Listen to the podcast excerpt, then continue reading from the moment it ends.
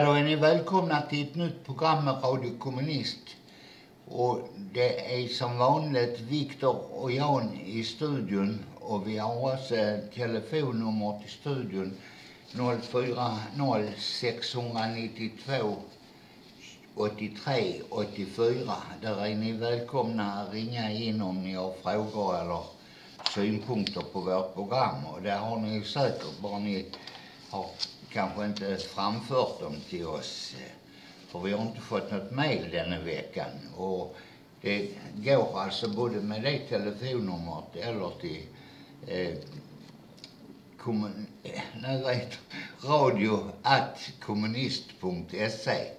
Där, eh, där kan ni ställa frågor och synpunkter och annat. Idag hade vi tänkt, vi ska naturligtvis eh, ta upp om øh, kriget i Ukraina. Det är ju inne på sin fjärde vecka där. Och det är naturligtvis oerhörda lidanden för många av den ukrainska eh, øh, befolkningen.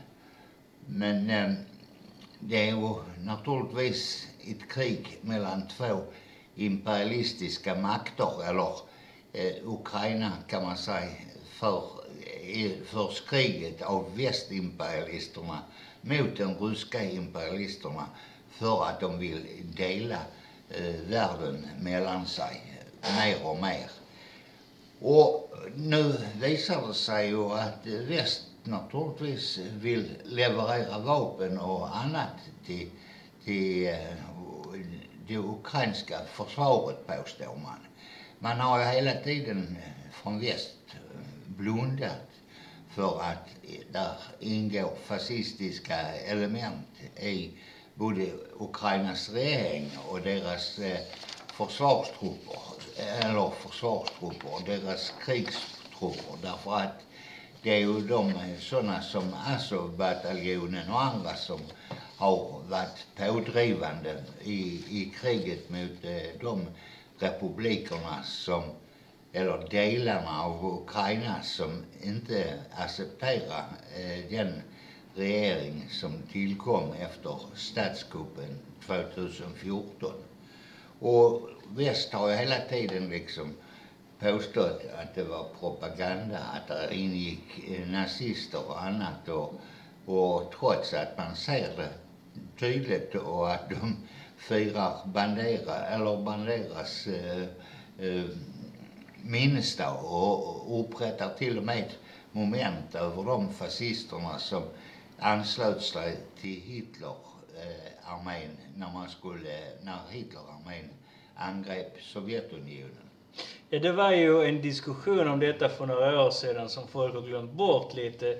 Det var ju när NATO släppte en film om de så kallade skogsbröderna eh, för några yeah. år sedan. Som blev ett jävla ramaskri egentligen eh, utanför, kan man säga, NATO-sfären. Eh, och vi såg hur Israel till exempel, som sällan kommenterar egentligen andra länders politik, förutom att vi har rätt att bomba sönder varenda jävel vi vill liksom i vår region. Så så de brukar de aldrig säga någonting om någonting annat. Men i det här fallet så var de väldigt, väldigt på och sa att det var en pinsamhet att, se just den här typen av film. Och NATO fick stå lite där med i, i skampålen. För vi vet till exempel, i Sverige har ju de här skogsbröderna eh, som är en del av det som man kallar eh, Stay Behind-rörelsen. Som var, syftet var liksom att strida mot kommunisterna efter andra världskriget. Eh, att organisera dem och, och senare organiserades de också som en form av underrättelsetjänst i Europa där de genomförde en hel del terroraktioner eh, utifrån NATO, bland annat mordet på den eh, eh italienska premiärministern. Tror man, man är ganska så övertygad att man ligger bakom det där eh, genom då Röda brigaderna, för man hade infiltrerat den rörelsen. Eh, så att man, man, det har varit en problematik, men i Sverige har man, Liberalerna jättegärna lyft upp eh, de här skogsbröderna, så att kalla dem eh, vad heter de, frihetskämpar och sådant. Eh, men de var fascister allihopa i, i grund och botten. Kanske inte varenda en jävel, men i allmänhet så var det en fascistisk organisation. Och vi såg detta, man gjorde samma sak i, i innan delningen egentligen, de facto delningen i, i Öst och Västtyskland där man organiserade en hel del Gestapo-folk i, i Västtyskland. Det, blev, det är därför muren kom upp egentligen. Folk tror att man kallar den antifascistiska skyddsvärden bara för att man tycker det är roligt. Utan det var just det att man hade de här förbrytarbanden som sprang in och gjorde en jävla massa aktioner i det som sedan blev Östtyskland. Och, och, och, så vet jag, och de blev påkomna till och med också och det blev ett stort tjafs om det här vid den tiden. I alla fall så, eh, så, så ser vi liksom att det fortsätter i den traditionen eh, på något vis. Efter eh, realsocialismen och, och kontrarevolutionens seger så har vi sett i, i, efter ungefär tio år, något sådant, många av dem som man emellanåt kallade demokratikämpar och sådant, de var i grund och botten fascister, en hel del av dem. Det fanns kanske vissa av dem som ville prata om yttrandefrihet och så vidare, men många av dem var egentligen i grund och botten fascister. Och sedan kom en hel del av dem komma till makten också i Ungern, i, i Polen och, och, och de baltiska staterna och så vidare. Och vi har sett nu, vad var det, igår eller förrgår, så hade man till exempel en, en marsch i, i Riga där var nazisterna, eh, man hyllar deras minne och där går massa nazister också. Och det var till och med en nationell helgdag för några, eh, några år sedan under en period. Så det är liksom en, en dag som är lite som 8 mars i Sverige. Det är inte en, en helgdag men det är ändå en viktig dag. Och, och, och det, det hyllar man liksom. Så att många av de här länderna, när man, och vi har ju sett den här diskussionen innan kriget bröt ut, där man har diskuterat frågan om Polen, man har diskuterat frågan om Ungern och, att, och, och deras mer eller mindre dragning till fascismen. Och, och, så har det varit i många av de här länderna. Inte för att det inte har varit så i de övriga länderna också. Vi har ju sett en tydlig fascistifiering i, i Frankrike, Italien, vi, vi har sett det definitivt i Danmark där man nästan halvt som allt har ett apartheidsamhälle. Men vi ser det också i Sverige helt enkelt. Mm. Och nu, eh, Sverige bidrar ju också med vapen. Eh, nu, nu de alltså Azov-bataljonen som är den främsta eh, fascistiska bataljonen i Ukraina där också en del svenska legoknektar har anslutit sig till. De beklagade att de blev bombade där i närheten av Lviv. Men det är ju naturligt att eh, det är ju naturligt i ett krig att man bombar fiendens eh, positioner. Så, så det är ju naturligtvis ingenting att för, sig över. Vi är ju också mot kriget. Vi tycker inte Ryssland har rätt att ockupera och, och, och, och förstöra i Ukraina. Om man hade gett hjälp till de utbrytarrepublikerna, för vi anser de också har rätt och, och och naturligtvis protestera mot den regeringen som till och från har innehållit fascister. Men i varje fall har man gett dem en egen plattform, bat, ja, plattform och en bataljon i armén. Man har inkorporerat dem i den ukrainska armén. Och vi, från Sverige, eller från Sverige, det levererades naturligtvis kanske inte från Sverige, så var det en massa sådana pansarvapen eh, som skulle, som skulle, ja, pansarskott som skulle levereras, 5000 stycken. Och nu lägger de, Azov-bataljonen, upp filmer på. Youtube där de gläds åt mottagandet och visar hur, hur, hur, hur de ska använda de där eh, pansarskotten och, och annat. Och det är klart alltså, det innebär ju att, eh, att Sverige har bidragit till beväpning av, av egentligen fascistiska förband. Nu tror jag inte att eh, ukrainarna inte kan försvara sig utan att ta hjälp av fascisterna. För jag tror inte på något vis att alla ukrainare är fascister eller annat. Men framförallt så kommer de ju då, eh, om de kan framstå som eh, hjältar helt enkelt och, och, och befriare av Ukraina. Och då, då kommer de ju till att få en väldig makt efteråt. Ja, alltså det, man kan ta, alltså det här är någonting som vi har sett historiskt alltså.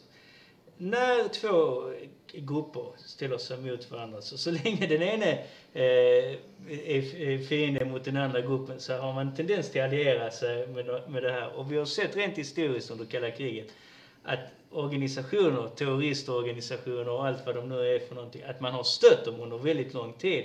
Så länge man slogs mot socialismen. Och sen efter när eh, kontrarevolutionen vann så har det varit en hel del småkonflikter där man hela tiden har stött just de här terroristorganisationerna, eller vad det nu än är för någonting. Så det gäller inte bara under kalla kriget där man säger, ja men den är, den är så farlig så kommunisterna är så farliga så därför stöder vi Utan man har gjort det hela tiden i grund och botten. Och detta är typiskt ett sådant fall. Vi såg till exempel innan kriget mot Libyen, där man stödde det som senare kommer att bli Isis hela tiden. Vi såg under kriget mot Syrien, innan Isis började breda ut sig så mycket, så stödde man väldigt mycket de här eh, al-Nusra-fronten i, i, i Syrien som är en del av al-Qaidas nätverk.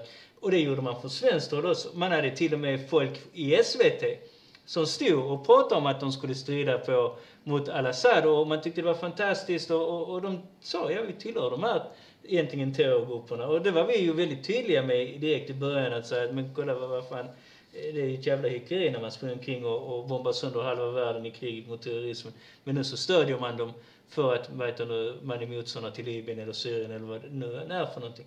Sen har den där diskussionen på något vis, när det blir så, det börjar komma fram att vad man gjorde för någonting. Eh, så helt plötsligt som vi säger en organisation som Vita hjälmarna, den har ju bara helt plötsligt försvunnit. Vart var tog den vägen på någonstans? Jo, för att man sa redan från början att många element, inte kanske varenda en person, men många element i dem var just kom från terrororganisationer och så vidare. Al-Nusra-fronten, man visste om liksom, och i hela den där så kallade syriska fria armén, eh, till och med själv syrier som var motståndare till al-Assad gick ut och sa liksom att Alltså det här är ingen sekulär armé utan det är de terroristiska, alltså terrorgrupperna som finns med eh, Isis-folk och, och bland annat som är med i de här det enda landet det blev en diskussion om det här till slut, jag tror det var Nederländerna eller Belgien. Då gick man ut och sa liksom att kolla här, vi har alltså organisationer på en terrorlista som vi inte får lämna eh, hjälp till. Men ändå så har vår regering skickat hjälp till dem. Och då sa man att man skulle göra en utredning av det. Men den, den till sossarna liksom död på direkt alltså. Nej, vi ska inte diskutera med det. Och ändå så har vissa vänstergrupper försökt liksom hela tiden och antikrigsgrupper ta upp den här diskussionen.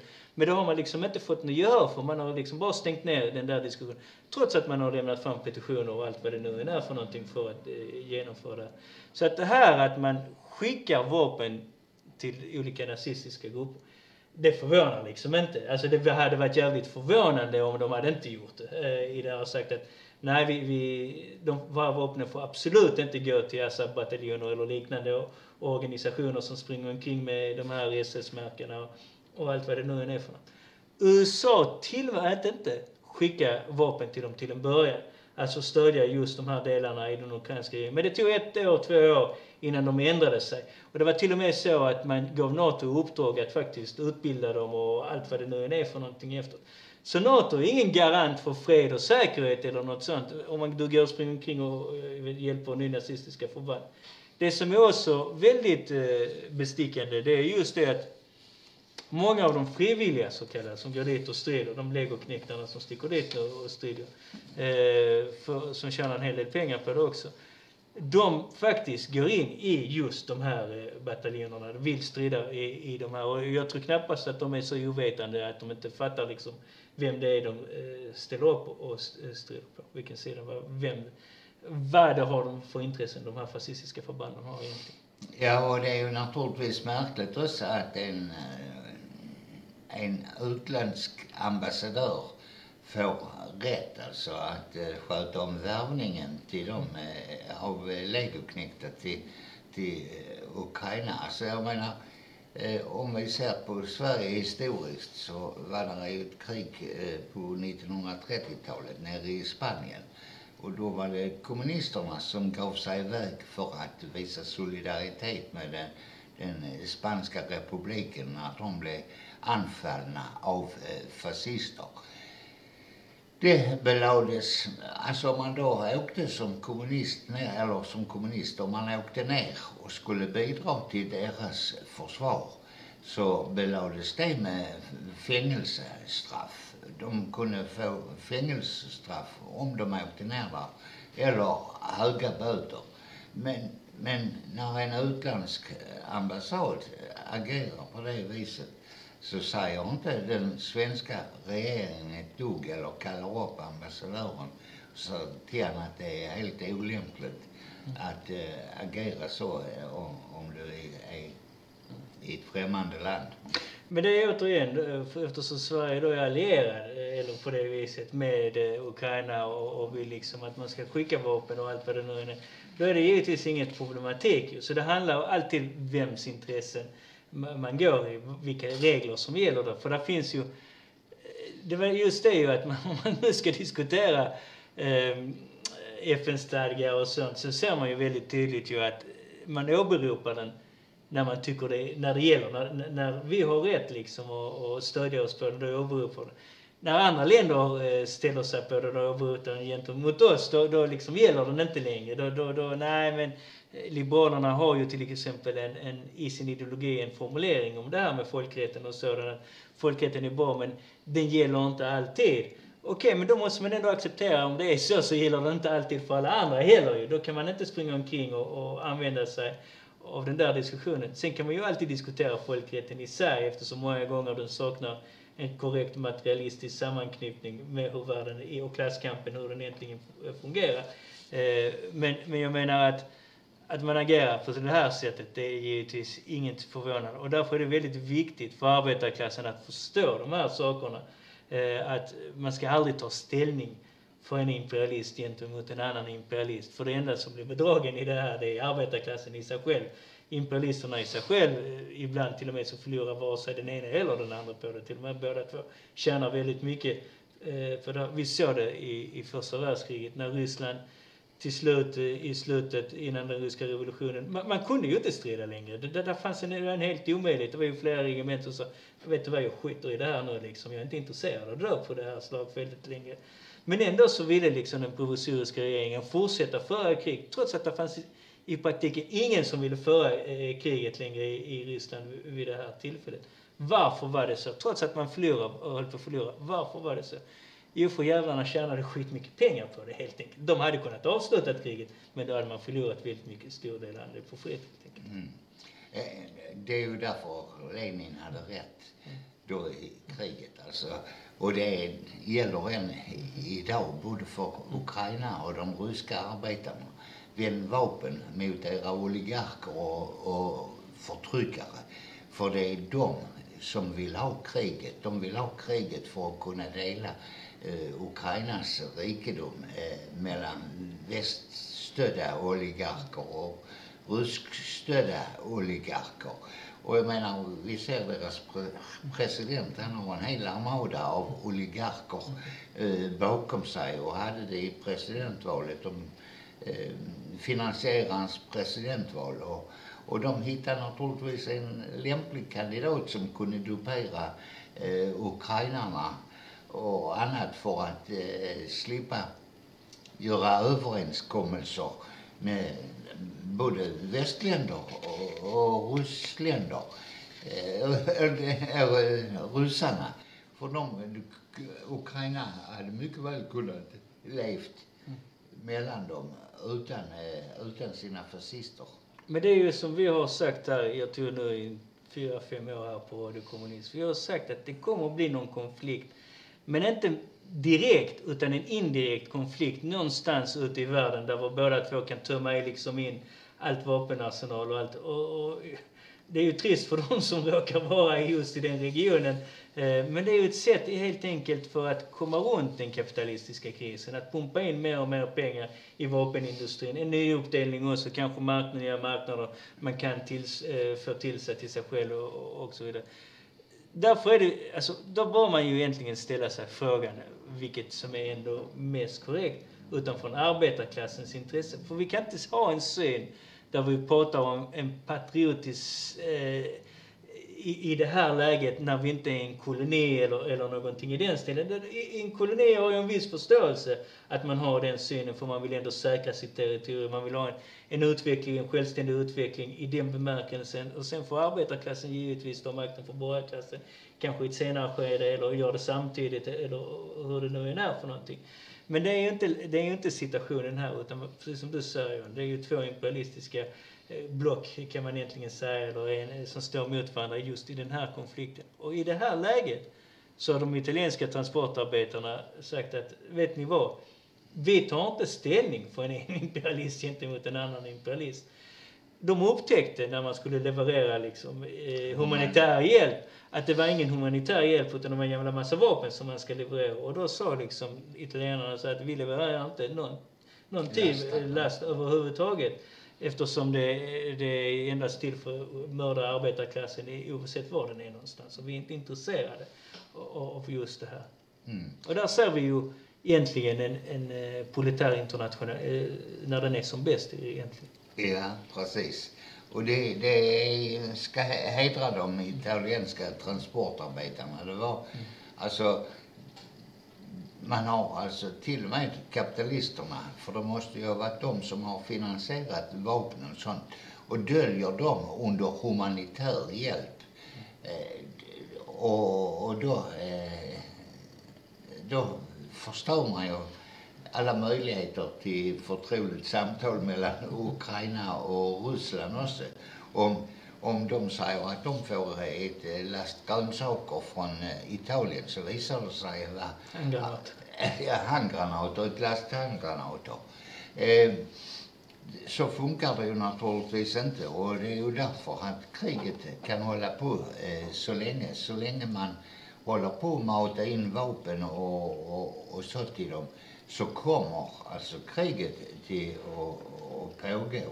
Man skulle på något sätt eh, tvinga dem att förhandla. Och det, det eh, bör ske väldigt snabbt alltså för eh, hur, oavsett om det är ryssar som dör eller Ukraina så är det eh, arbetarklassen som Alltså det är de ukrainska arbetarna som strider. Och det är de eh, ryska arbetarna. Naturligtvis finns det de grupperna vi har snackat om.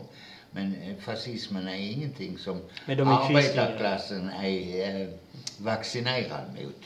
Utan den duperas också av borgerligheten som behöver fascismen för att kunna uppfordra nationalism och alla möjliga saker. Vi, vi har ju sett den nationalismen och, och rasismen också i Ukraina. Det var ju romska, äh, romska folk som sa de fick ingen hjälp, de fick inte lov att äh, åka ur Ukraina. Och där var, från början var det ju en del, hel del studenter som hade en annan eh, hudfärg. De fick inte åka in i Polen därför att eh, de, de var inte EU-medborgare eller eh, ukrainska medborgare. Ukrainska medborgare har ju, behöver inget visum för att komma till Polen.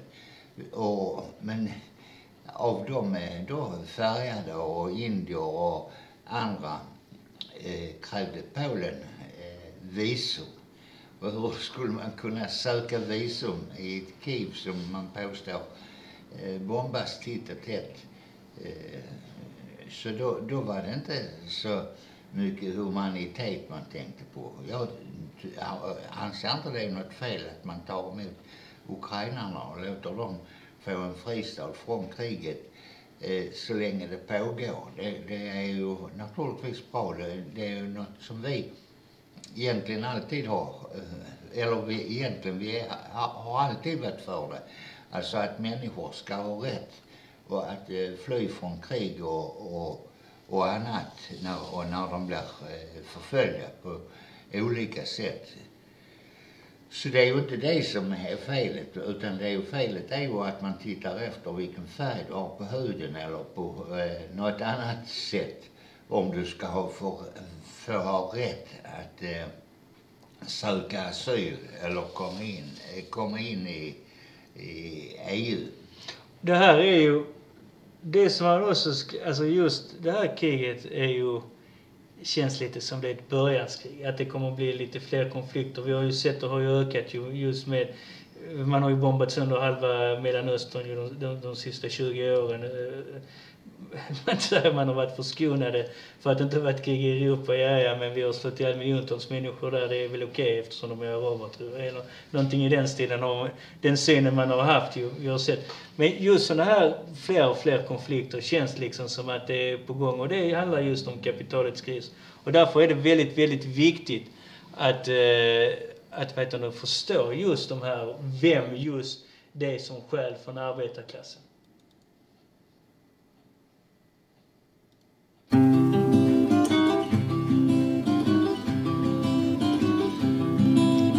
Pengar växer inte på träd. Man skakar inte fram dem ur hatten. Ingenting är heller gratis. Det är alltid någon som får betala. Stekta sparvar flyger inte rakt i munnen och brödet bakas inte av sig själv. Så vilka är det som stjäl? Vilka är de verkliga tjuvarna? Ja, vilka är det egentligen som skär? Vilka är de verkliga tjuvarna? Husen växer inte upp ur marken Vi har inte kläder när vi föds Maten måste skördas och lagas Veden måste huggas i skogen Visserligen får vi ännu andas fritt Men människan kan ju inte leva på luft det strider ju mot allt förnuft Så vilka är det som stjäl? Vilka är de verkliga tjuvarna? Ja, vilka är det egentligen som stjäl? Vilka är de verkliga tjuvarna? Svenne hämtar pengar på banken med hjälp av en pistol. Nu kallas han för rånare och tjuv och får sitta många meningslösa år på kåken. Men varifrån kommer bankens pengar? Vilka har jobbat ihop dem? De växer ju inte som någon slags mossa i kassavalven. Jo, banker är fiffiga affärer. De tar saftigt betalt för att låna ut dina pengar. Så vilka är det som stjäl? Vilka är de verkliga tjuvarna? Ja, vilka är det egentligen som stjäl? Vilka är de verkliga tjuvarna? Kalle jobbar i fabriken i ett skitigt och tungsamt jobb. Men fabriksdirektören han har mycket högre lön plus ett lättare och friare jobb. Varför är han mera värd än Kalle? Varför har han högre lön? Varför ska han bestämma allt? Medan Kalle får kämpa som en sate för att få sin vilja fram. Kallar du det demokrati? Då har du ett konstigt språk. När resultatet av hela karusellen är att Kalle får betala till bankmän och kapitalister. Han betalar för rätten att få knipa käft och hålla sig på mattan. Så vilka är det som stjäl? Vilka är de verkliga tjuvarna? Ja, vilka är det egentligen som stjäl? Vilka är de verkliga tjuvarna? Ja, vilka är det som stjäl? Vilka är de verkliga tjuvarna? Ja, vilka är det egentligen som stjäl? Vilka är de verkliga tjuvarna?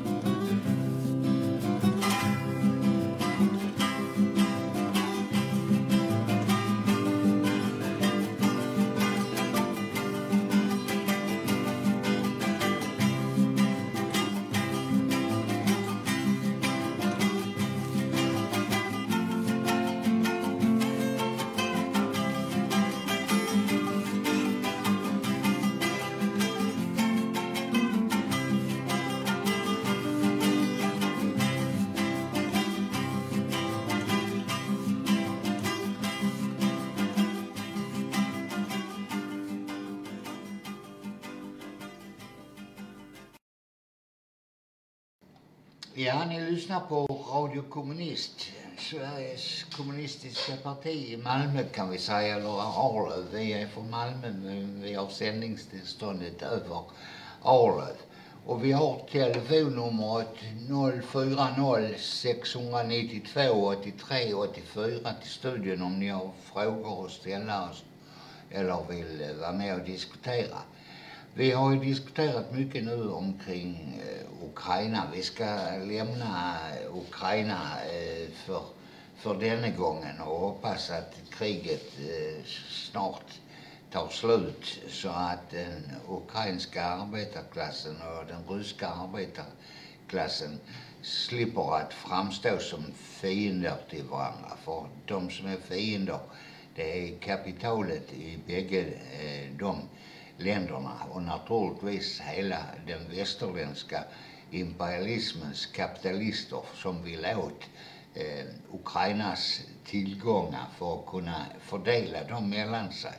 De har redan köpt upp stora delar av eh, eh av Ukraina. Det finns 2000 utländska företag, eller fanns före kriget. Ja, det finns där naturligtvis nu och, och har eh, äger eh, tillgångarna i, i Ukraina även om de inte eh, även om de har en vilande verksamhet. För jag tror inte många kan gå till jobbet i Ukraina som det ser ut där.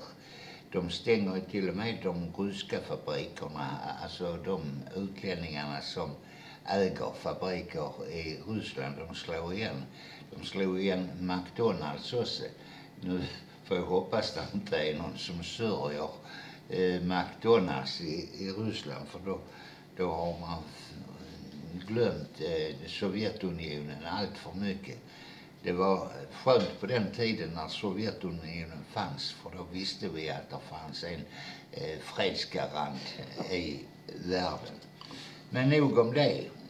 Vi hörde ju vem det är som skäl och det gäller överallt om det är krig eller det är fred så är det, är det eh, kapitalet som är de stora tjuvarna.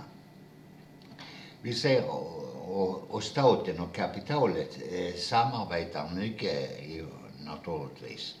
Nu ser vi det på ett eh, gruvbolag uppe i, uppe i Jokkmokk, eller det är eh, det, deras huvudort är nere på eh, Paradisöarna eller vad de heter.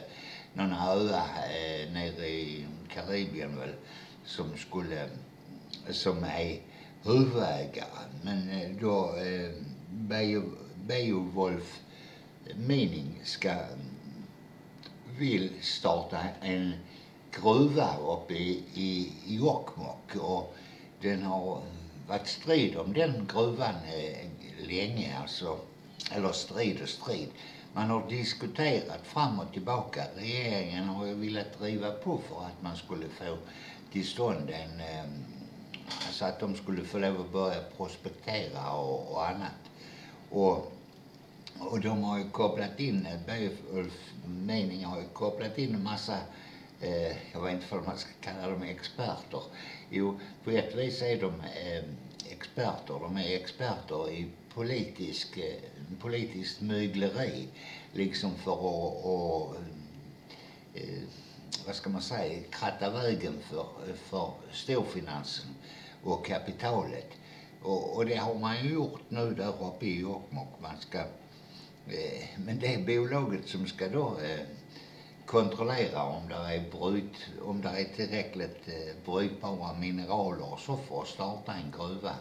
Har väl kommit eh, underfund med ungefär att, eh, att det borde räcka. Men problemet är att då måste de ha ett startkapital på 20 miljarder och, ungefär. Eh, för att kunna, kunna komma igång. Vi såg hur det gick med den andra gruvan där uppe. De startade i, i vad heter det, där borta vid finska gränsen, vid Torneå eller där någonstans, i ett dagbrott som var jättebilligt att driva därför att eh, man behövde inte spränga sig långt ner i marken för att få fatt i järnmalmen. Och mm, kommunen eh, kommunen byggde, byggde hus och man satsade eh, väldigt eh, samhället, alltså staten och, och, och, och kommunen eh, eh, Eh, satsa stora resurser för att eh, ja, helt enkelt kratta manegen för dem också. Och de höll väl på eh, i tre, tre, två, tre år ungefär. Sen spelade man konkurs. Sen hade man lyckats plundra bolaget. Alltså det är det det handlar ju om. Och den här historien verkar vara påminna om något sådant. Det verkar som Aftonbladet gått in och tittat lite närmare på det här är Just när det gäller Beowulf Mining. Det enda man har sett att de haft kapital det är att man har investerat 20 miljoner kronor i någonting som verkar vara ett brevlådeföretag i, i Kosovo. Och det är att, men man ser ju att man har inga pengar egentligen i grund och botten. Och, och det som skedde ju i förra tillfället var just att man blåste upp en aktie i grund och botten så att ägarna kunde plocka ut hur mycket pengar som helst och sen eh, när det visar sig att ja, men vi har ju inga pengar egentligen så, så ja, spelar man konkurs. Egentligen är det ju en form av bedrägeri i, i grund och botten och ingenting annat. Och det verkar ju, eh, om man läser det som eh, Aftonbladet har skrivit så verkar det vara ju någonting i den stilen också. Att eh, det är en ny typ av eh, runda igen. Alltså de har lärt sig, de lärde sig av det kanadensiska bolaget Eh, som var ett, eh, eh, från ett annat land ett tag och, och så vidare. Men de har lärt sig av det och så säger de att vet du vad, de här personerna är så jävla korkade så vi kan göra om det här en gång till liksom. Eh, så varför skulle vi inte utnyttja det? Och, och då tar man ju människor som eh, Littorin som var tidigare arbetsmarknadsminister har jag för mig och, och någon miljöpartist också för att helt enkelt, eh, som du säger, kratta manegen för dem och säga att det är en fantastisk affär och vi har tittat på det och, och miljöpartisten är där säkert för att säga att eh, ja, vi kan göra det här miljövänligt och allt vad det nu än är för något. Så de ger liksom lite eh, extra rosenskimmer till det. Eh, och det är så det här, det är så här det fungerar. Man brukar säga i, i tidningar och sådant att det finns en svängdörr mellan stat och kapital där politikerna går från att vara riksdagsledamöter in till kapitalet. Och jag menar på, nej det finns inga jävla svängdörrar. Utan de är helt sammansmälta egentligen i, i grund och botten. Och, och därför kan det ske på det här viset. Och det är ju givetvis skattebetalarpengar som kommer att försvinna om det här går igenom. Man får ju hoppas, och om det är så som vi tror får man ju hoppas att det inte är så. Sen har ju Aftonbladet hamnat lite i, sk- i skottgluggen från eh, Littorin som tycker att det är för jävligt att eh, man har tagit upp den här frågan och, och diskuterat den. Eh, och framförallt så anklagar man någon journalist eftersom hon är same så har hon eh, en form Ja, hon är inte så. Ja, okej, man påstår att hon var same eller nå- någonting. Eller hon skulle visa att hon inte var same, bevisa det. Men man påstår det i alla fall då, så, så skulle, på grund av det där så finns det en form av ett bias i, i det här läget. Eh, att hon inte vill att eh, man ska ha en gruva där och, och det kan man tycka vad man vill om men eh, hon, han menar på att hon måste redogöra sin identitet i, i det här fallet. Och jag tror, eh, alltså Littorin var ju, Sven Littorin var ju inget ljushuvud som politiker och, och han fuskade ju med sin utbildning och allt vad det nu var för någonting. Han hade köpt någon utbildning någonstans och, och påstod att han hade en riktig utbildning, vilket han inte hade. Eh, och han är ju, han är ju inte, jag tror hans, kanske hans föräldrar tappade honom på huvudet när han var liten och något sånt. Men att gå ut och säga en sån här sak, eh, det är liksom riktigt korkat. Alltså det hade varit en sak om den här personen hade varit medlem kanske i en organisation som är motståndare till eh, byggandet av gruvan. Man har fått reda på det och sagt att den här personen har... För om man tänker efter, då skulle ju ingen svensk eh, i Sverige någonsin få rätt att skriva någonting om Sverige eh, i det här. För då finns det liksom ett bias här också. Liksom, att eh, nej men jag tycker det ena, det andra och det tredje och det fjärde. Eh, så att, eh, jag vet inte, den här personen är ju, var ju oerhört korkad egentligen. Men han, han tycker ju att det är besvärande eftersom eh, att man lyfter upp de här sakerna. Att vi vill ha, komma ett gruvbolag som har inga pengar egentligen och, och, vill helt, helt enkelt be, skapa någon gruva där. Eh, vem ska betala det i, i sådana fall om du tar några pengar? Jo visst, andra investerare som man eh, har bedragit och, och jag har inget problem om man lurar Wallen, familjen Wallenberg och allt vad det nu är för någonting på pengar. Det stör inte mig alls överhuvudtaget. Men det är ju också vanligt folk som kommer gå på det och skattebetalare kommer också, eh, pengar kommer också gå in i, i den här historien om, om den går igenom. Mm. Alltså, Sven-Olof Littorin och han miljöpartisten som sitter i, i Göteborg. De, de jobbar i ett företag som heter Labyrint. Alltså, de var arbetskamrater. Men sen blev han, eh, Littorin, eh, halvtidsordförande på, i, i det där gruvföretaget. Där har han 37 500 i månaden för, för, eh, för det ordförandeskapet. Sen har han ändå halva eh, lönen från, eh, från det där eh, lobbyistföretaget. Och, och det är inte alltså så att, att det är bara Peter Eriksson och Littorin utan det är tidigare rådgivare till, vad heter han, eh, Göran Persson och många andra storpolitiska frälsare så kallade som jobbar åt det lobbyistföretaget. Så, så just det uttrycket, staten och kapitalet sitter i samma båt, är, är, är väldigt sant. För, för där ser man ju hur, hur de flyttar, flyttar. Alltså alla som har lämnat en eh, politisk post får en ny post som sparkar dem lite uppåt. Jag kommer inte ihåg vad det han var, fick för post. Löfven, han fick också en eh, höjdarpost. Jag tror det var i någon internationell organisation. Eller Sipri. Sipri, nej men det är svenska, det, Med fredsrörelsen. Jag har för mig Ja. att det var där han skulle sitta. Sen har vi ju Thorvaldsson som eh, också fick en post eh, någonstans. Han är arbetsmarknadsminister. Ja, men han skulle få en annan, annan post, eh, Thorvaldsson, sen som den tidigare fackliga LO-ordföranden. Men, han, men vi ser ju just att, precis som du säger, att det finns en sammankoppling. Och det viktigaste i de här frågorna, det är att försöka eh, lägga den borgerliga små känslosamheten till sidan liksom. Moral, moraltänkandet och, och till och med många gånger, eh, vi säger om du är fascist eller om du är socialdemokrat eller vad det nu är. Försök att lägga det där åt sidan. Och alltid tänka på att, vet du vad, vem tjänar på det här? Vi ser till exempel eh, Littorin, han satt i ett polis, polisen med ett bolag som heter eh, Viking Minerals.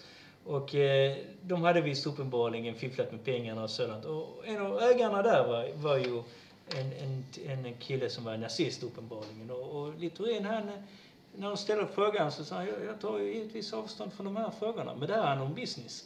Det handlar om pengar liksom. Jag skiter vem han är. Jag vill bara ha mina cash. Eh, eh, det, det är det det handlar om i slutändan. Det, det är därför man ska ju givetvis inte går många gånger på den här diskussionen om demokrati i allmänhet i, i den bemärkelsen. Utan man måste alltid se vem fan tjänar på den här typen av demokrati? Vem tjänar på den här typen av diktatur? Vem tjänar på den här typen av politisk ideologi? Vem tjänar på den här typen av moral eller filosofi? Eller vad det nu än är för någonting. Man måste alltid se det på det där viset i, i grund och botten. Och, och en, som, en av de vetenskap som var vetenskapsman som var klok nog att, förstå och förklara det här, det var ju Karl Marx. Han förklarar just det här att man kan liksom inte separera de olika sakerna från varandra som finns i samhället utan allting utgår från en ekonomisk bas, en materiell verklighet och, och sen kommer liksom det andra. Sen är det andra vetenskapsmän som har också förstått de här, till exempel som den numera avlidne kosmologen Carl Sagan som förstod det när man skulle försöka förklara vetenskap. Där man var väldigt tydlig med liksom att säga, alltså du kan aldrig separera vetenskapen från allting som sker runt om i samhället utan de är sammankopplade till varandra. Och, och det gäller givetvis det här fallet. De här människorna, alltså de skiter i om det är en nazist eller vad det nu än är för någonting. Utan det enda de bryr sig det är ju att jag ska ha mina pengar helt enkelt. Och, och, och det är allt liksom. Så, så att om man ska förvänta sig en en moralfilosofisk diskussion ut i dem om vad som är rätt eller fel egentligen. Ja, de kan sitta i TV och säga vad de vill om de där sakerna.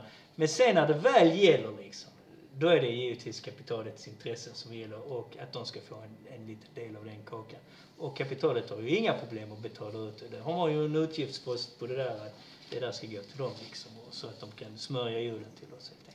Mutor, alltså det är eller en form av mutor naturligtvis. De säger att Sverige är väldigt mutfritt men det, Det kan det vara i komparation med ett annat land, att det är inte särskilt korrumperat i, i jämförelse med ett annat land. Men det betyder ju inte att Sverige inte är korrumperat, utan snarare tvärtom skulle jag vilja säga att det är nog... ja, ja, visst alltså det, det sambandet mellan politikerna och storfinansen, kapitalet, har ju alltid, eller inte alltid, för de har ju inte alltid eh, varit samma politiker och samma eh, storkapital. Men samarbetet och under modern tid har ju fungerat eh, väldigt eh, väl oavsett vilken regering vi har haft eller, eller annat. Och man ser till exempel under Carl Bildts tid hur han åkte ner till Kosovo. Det är, där, det är gruvföretag. Så jag tror Littorin har fått lite tips av av Carl Bildt. Han är insyltad i allt känns det som. Ja, eh, och ja, vi vet nere oljan, hur, nere i Sudan hur han hjälpte till att fördriva, eller han hjälpte inte men genom sitt ägarskap av, eh, av, av vad heter de, Lundin Oil så innebar det ju naturligtvis att eh, han var medskyldig till fördrivande av eh, befolkningen från delar av Sudan där man skulle prospektera olja. Och det här, är, det här är ju jättegammalt. Alltså det är ju, går ju hela vägen tillbaka till antiken och längre tillbaka. Folk tror, ibland är det många som tror att eh, ja men Karl Marx har, har, har sagt det här. Men det är ju jättekänt. Vi har ju till exempel Adam Smith som har skrivit också just om de här sakerna där han inte gillade staten och monopol och dess sammanvävningar. Han är väldigt tydlig med det där. där. Där folk tror att han var motståndare till staten för statens skull. Nej, han menade på att monopolen har en tendens att sammanväva sig mot dem. Och de olika klassintressena eh, förstår man till, sen i så fall att de aldrig kommer att ta parti för arbetarna. Liksom. Som man tydligt förklarade i, i en text. Så, så att det här är ju jättegammalt. Men precis som du säger, alltså, man kan ju, förr i tiden kunde ju inte folk läsa och skriva, kunde inte se de sammankopplingarna på det sättet. Facebook fanns och så vidare. Nu ser vi ju att det blir tydligare och det är det Karl Marx förklarar i det kommunistiska manifestet att man sliter ju sönder det ridderliga eh, svärmeriets eh, mantel kan man säga som döljer, har dolt alla de här sakerna och nu kan vi se det öppet och därför är det väldigt viktigt för arbetarklassen just att eh, Våga se det. Våga, ja, våga se det. Och det finns massor av böcker som förklarar de här sakerna som inte är komplicerade. Texter som Lenin och Marx har, har skrivit. Och, och jag tror nog på någon, någonstans djupt inne i arbetarklassens själ, om man ska säga så, så förstår nog också arbetarklassen att det är någon som blir bedragen här just nu och det är inte jag som står för bedrägeriet utan det är någon annan. Jo, så är det naturligtvis. Eh, vi, vi ser nu oss till exempel, för byta lite ämne. Alltså det finns säkert anledning att återkomma till de falserierna av eh, Jokkmokksgruvan och hur man kommer till att eh, helt enkelt till att kratta manegen för dem så att de kan hämta eh, sina profiter. Men eh, det ju, handlar ju också om eh, nu de ökade priserna. Man befarar alltså att eh, inflationen ska bli väldigt hög. 4,5 procent snackar man om. Jag tror den blir betydligt högre. Om bensinpriserna har gått upp 25 procent så är det ju mycket högre egentligen. Ja, och det, det var ju uppe nästan i 50 procents ökning eh, en taga. Och, och, det, och det påverkar naturligtvis livsmedelspriserna. Vi hör hur bönderna klagar. De, de måste köpa dyr diesel för att kunna eh, plöja åkrarna och skörda skördtröskor och allt. Alltså priset på spannmål och potatis och allting eh, kommer till att stiga och även det vi importerar för det är transporter och eh, är priserna ökar på drivmedel så eh, de strävar ju alltid efter att höja priset oavsett om drivmedelspriserna eller annat går upp. Men just i år är det ju en väldigt eh, farlig situation för många av de avtalen som nu existerar på arbetsmarknaden. De är ju eh, sen 2020 tror jag. Så det är tredje året nu på avtalet och då har man fastställt alltså eh, avtalsökningarna eh, år 2020 och, och då såg det inte, eh, det var inte inflationen så hög eh, som, som den är nu. Alltså de 4,5 procenten är, alltså är bluff helt enkelt. Men då är det viktigt att arbetarklassen eh, helt enkelt häver de avtalen som har ingåtts under helt andra premisser och ser till att ta en redig lönekamp helt enkelt för att kunna försvara sina eh, materiella eh, nödvändigheter. Och det är det som är skillnaden mellan en socialistisk stat och en kapitalistisk stat. Hade det Sverige varit en socialistisk stat av någon anledning, eftersom vi måste ändå importera de här typen av drivmedel eftersom vi inte har producerat dem själva. Vi har ju inget direkt oljefält eller något sådant i Sverige. Och eftersom vi fortfarande behöver olja i den. Och vi kommer alltid nog behöva oljan eftersom man använder inte det bara som drivmedel utan man använder det faktiskt till 50 andra grejer i grund och botten. Även om den som är mest lukrativa delen säkerligen har hand om just det här med, med just drivmedel. Men här hade vi ju i ett avtal, om vi hade haft ett avtal med som fackföreningsrörelse, då hade vi givetvis bjudit in fackföreningsrörelsen visat exakt hur det, alltså hur det är med ökningarna och så vidare. Förklarat för dem varför det är så här på det viset. Och då hade vi helt enkelt fått rivit upp avtalet. Vi förstår vi måste riva upp det och vi måste kompensera på något vis. Eh, annars kompenserar vi kanske, vi säger okej, okay, under ett år så får ni skita i att betala hyra. Eller, eller någonting i den stilen. Så hade vi gjort istället. Det hade inte varit några problem för oss att kompensera eh, på det viset. Men här blir det ju ett problem för nu måste ju kapitalet ändå få sina pengar. Nu måste statsmaskineriet också få sina pengar så de kan ge till Littorin och allt vad det nu är för någonting så att de kan tjäna pengar. Och då måste pengarna alltid tas någonstans ifrån. Mm. Och det är precis som du lyfte upp Jan och, och när vi skrev den här ingressen till det här programmet, för det var ju du som lyfte upp just de här sakerna. Att eh, man måste bryta avtalet helt enkelt, för det är, det är en annan värld. Det var ett skitavtal från början ändå liksom. Mm. Det var vi klara mot. Jag tror det var någon löneökning på 1,2 eller 1,5 procent eller någonting i den stilen. Eh, men nu är det ju givetvis en fullständig katastrof. Och då kan man inte vara passiv som arbetarklass. Nu litar jag givetvis inte på Pappers eller någon av de andra för att de har ju uppenbarligen visat sig när det gäller LAS-frågor och sådant att man inte kan lita på dem överhuvudtaget.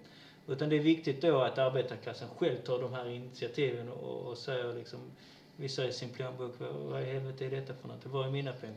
Jag såg att Magdalena Andersson höjde sin lön med 5 000 spänn. Jag fick inga 5 000 spänn i, i, i löneförhöjning. Hade det varit det hade det varit okej. Okay. Jag hade skitit i vilket. Men nu, nu vill jag liksom också bli kompenserad på något vis. Mm. Eh, alltså, de diskuterade ju det i riksdagen eh, häromdagen. Jag tror det var igår. Man hade då, eller i finansutskottet. Nej, det var väl i riksdagen man diskuterade. Och, och utifrån alltså, man utgick från bensin och elpriserna.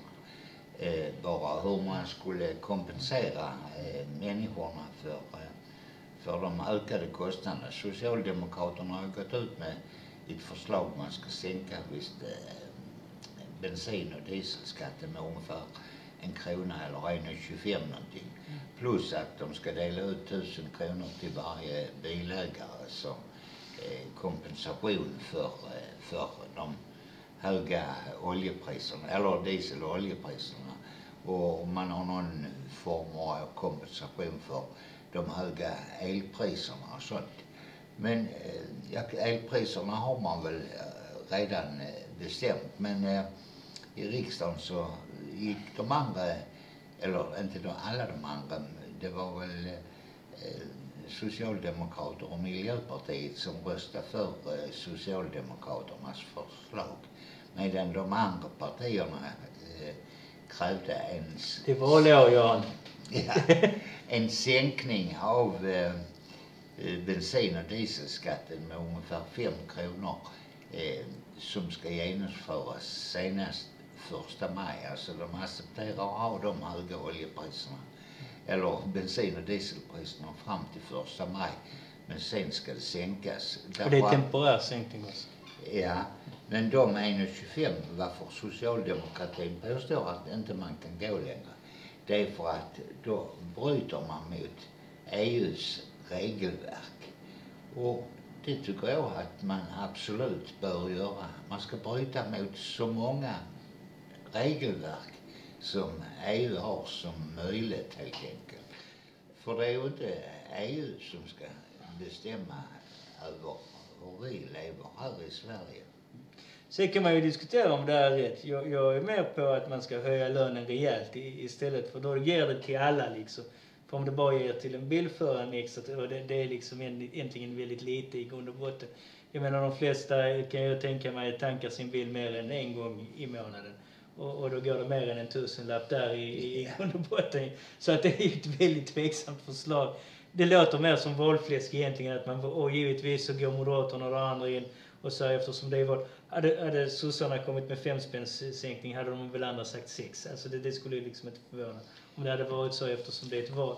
Men, men jag menar att just att de här temporära sakerna, den här löneökningen är ju inte temporär i sådana fall.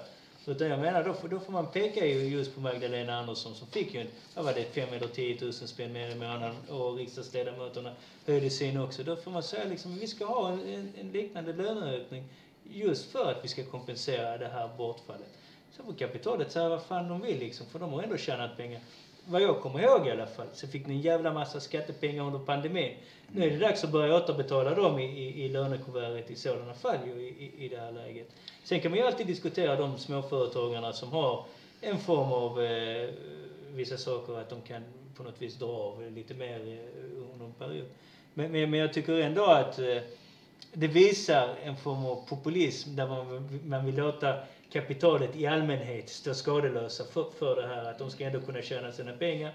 Så ska jag få en liten subvention kanske någon månad eller två eh, under det här. För jag menar, det påverkar inte mig. Alltså, ja, det är sant att bönderna levererar i Sverige, men vi köper också in en jävla massa saker. Och där påverkar det givetvis inte mig om de har fortfarande höga drivmedel. Så därför måste jag ju få det utifrån lönen i grund och botten i, i, i sådana fall. Och sen går det ju också när vi diskuterar anläggandet av nya vägar och allt vad det nu är, för det går ju också upp i pris och, allt det. Så att det, det visar ju ändå det som kommunisterna har sagt, hur sårbar egentligen arbetarklassen är just i de här situationerna. Att man har ingenting att förlita sig, ingen att förlita sig på när det gäller de här, utan det enda man kan förlita sig på det är sin egen kraft och just det kommunistiska partiet som har inga motsatta intressen eh, gentemot arbetarklassen. Nej, alltså alla de här åtgärderna kommer ju att innebära att sedelpressarna får gå på högvarv. Och då eh, stiger inflationen ännu mer. Så, så, så lita inte på dem, för de kommer alltid att försöka lura, som vi sa. Och, och det är valår och då eh, spär man på lite valfläsk. Alltså man ska använda, äh, akta sig för Kristensens målfläsk. För det är fan rätt så, så vad ska man säga, sår, sårande. Eller nej, det är eh, direkt livsfarligt för Sverige. Han lovar alltså att Sverige, så fort han blir statsminister, så ska han lämna in en ansökan om NATO-medlemskap.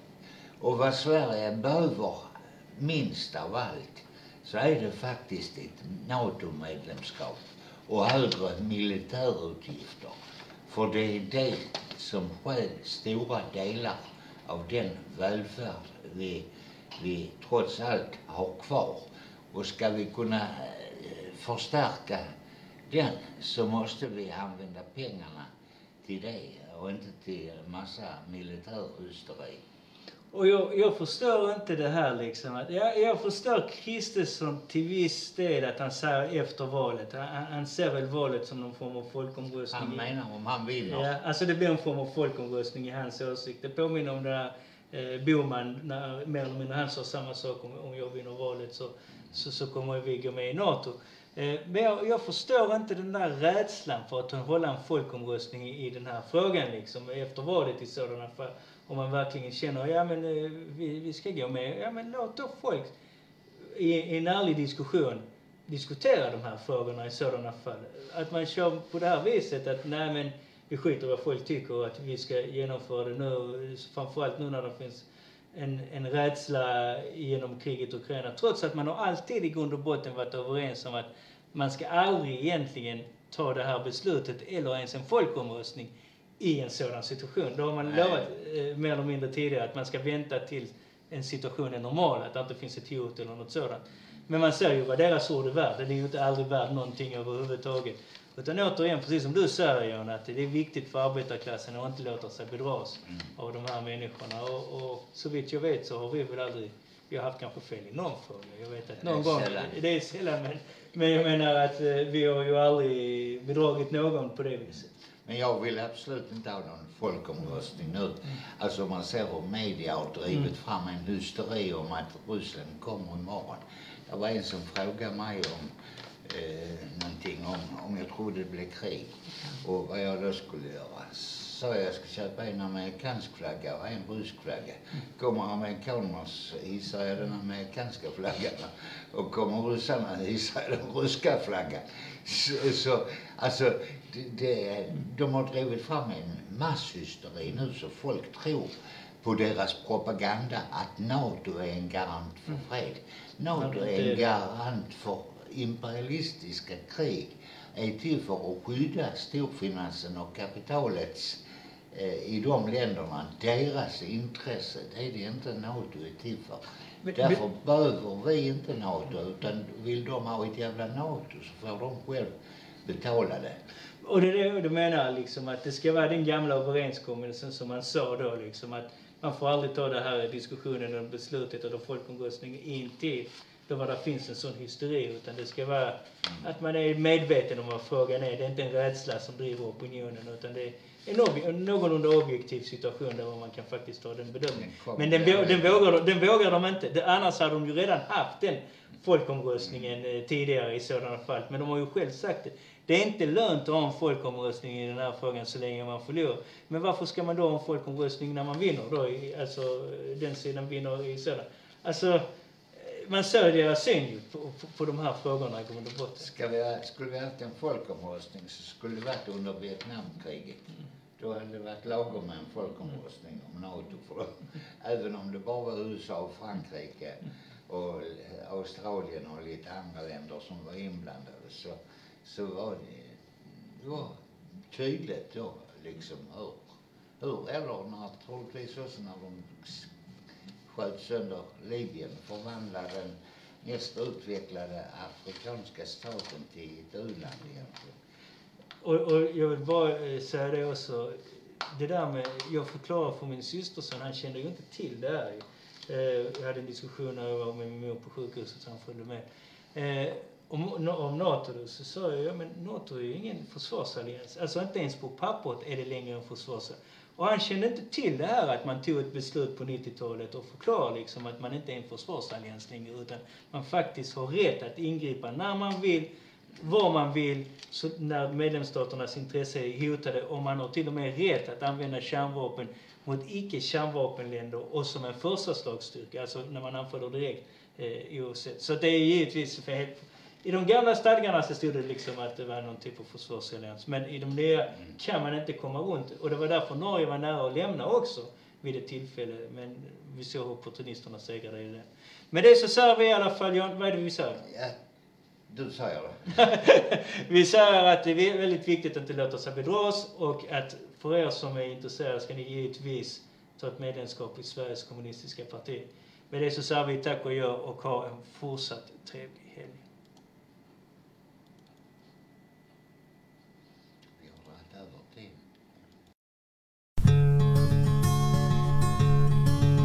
Framåt kamrater, till uppror manar vår röda fana, vår röda fana. Framåt kamrater, till uppror manar vår röda fana som segern ger. Röda fanan ska mot seger gå. Röda fanan den ska segern nå. Röda fanan ska mot seger gå. Leve socialismen, leve friheten. För alla utsugna stora skara ska röda fanan signalen vara. Och proletärer, stå upp och kämpa. Vår röda fana ska seger ge. Röda fanan ska mot seger gå. Röda fanan den ska seger nå. Röda fanan ska mot seger gå. Leve socialismen, leve friheten. På land till sjöss i gruvor och fabriker. Du som har hoppet som aldrig sviker. Håll dig beredd för revoltens timma. Vår röda fana ska seger ge. Röda fanan ska mot seger gå. Röda fanan den ska segern nå. Röda fanan ska mot seger gå. Leve socialismen, leve friheten.